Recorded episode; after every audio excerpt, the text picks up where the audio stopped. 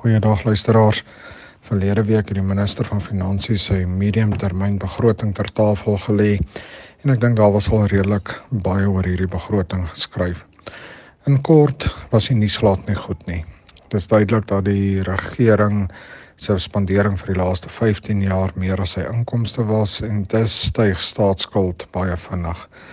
Op die stadium beslaan die terugbetaling van staatsskuld ongeveer 20% van alle inkomste wat die staat genereer en daar's nie regtig 'n vooruitsig dat dit vinnig gaan verbeter nie. Ons het ook gesien dat die minister sê sosiale toelaas is een van die groot probleme, maar tog word iets soos die COVID armoede toelaag verder verleng tot in 2025 waar dit in 2024 gestop sou word. So daar word nog steeds geld uitgekrap om goed te dek wat dalk volgens ons nie 'n noodsaaklikheid is nie. 'n Ander ding is is dat daar begroot is om weer eens vir regeringsamptenare salarisverhogings te gee. En hierdie salarisverhogings kom grootliks uit besnoeiings van munisipale um, begrotings op ander vlakke. So die amptenare gaan meer verdien, maar daar gaan minder geld wees om dienste te lewer.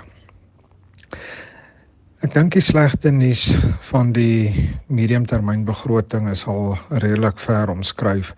En ek wil eerder hê ons moet bietjie dink in terme van landbou en wat hierdie begroting vir ons beteken. Nou, ons het al, ek wil amper sê lankal hoop opgegee dat die minister spesiale woorde oor landbou moet rep wanneer hy 'n begroting doen en dit was nou basies weer die geval. Ja, daar's 'n bietjie gekyk na hulp vir sekere krisisse wat ons of rampe wat ontstaan het. Maar verder as dit word landbou nie regtig genoem nie. Die ding is waarna ons meer moet kyk is dan die effek van die totale begroting op ons sakke. Ek dink eerstens moet ons dink aan belasting. Dis duidelik dat belasting inkomste vir die regering verhoog sal moet word en die hoeveelheid belastingbetalers raak nie meer nie. Dis gaan ons heel waarskynlik minder verligting sien op kerfaanpassings en gaan daar heel moontlik stygings in belastingkoerse soos BTW om en selfs ander belastings wees. 'n Tweede ding wat ons egter moet onthou is Ons is almal teen die feit of teen die idee van sosiale toelaas aangesien dan net die geld is daarvoor hè. Maar tog word die grootste deel van hierdie sosiale toelaas nog steeds aan aan voedsel spandeer.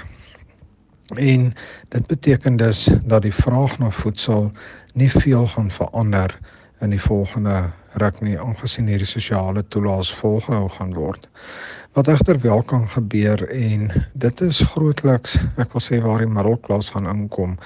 Dit is die mense wat meer geraak gaan word aandien hulle meer belasting en meer aan belasting op toegevoegde waarde of BTW moet gaan betaal, dan gaan hierdie mense wat gewone kopers, ek wil sê van luukse produkte was um, of luukser voedselprodukte was gaan begin afskaal en die vraag na goedkoper proteïene gaan dalk meer word en die vraag na duurder proteïene minder. Ek dink indien ons aan duurder proteïene soos die rooi vleisbedryf dink, sit ons reeds bietjie op 'n moeilike plek en ongelukkig kan ek nie sien dat dit vinnig gaan verbeter nie. Dit wil nie lyk like asof daar verligting gaan kom nie en alhoewel ons mekaar gesê dat rentekoerse heel waarskynlik volgende jaar gaan begin daal en verbruikers so verligting gaan kry, kan ekstra belastings hierdie situasie weer omkeer en daai verligting ook tot nul verklaar. Ons sal moet fokus om inkomste ag om uitgawes laag te hou en deur hierdie siklus te kom om seker te maak ons besighede is volhoubaar vir die toekoms. Um ek dink slegte tye was al baie met ons en hierdie golf sal weer draai wanneer marktoestande beter word. So bly nog steeds om 'n goeie gesondheidstelsel vir Suid-Afrika te verseker wat diere gesondheid aanbetref en dan so ook ons ons uitvoere na premiemarkte te verhoog en dan sodoende ons produkpryse te laat styg want die binnelandse vraag gaan dit nie sommer laat gebeur nie.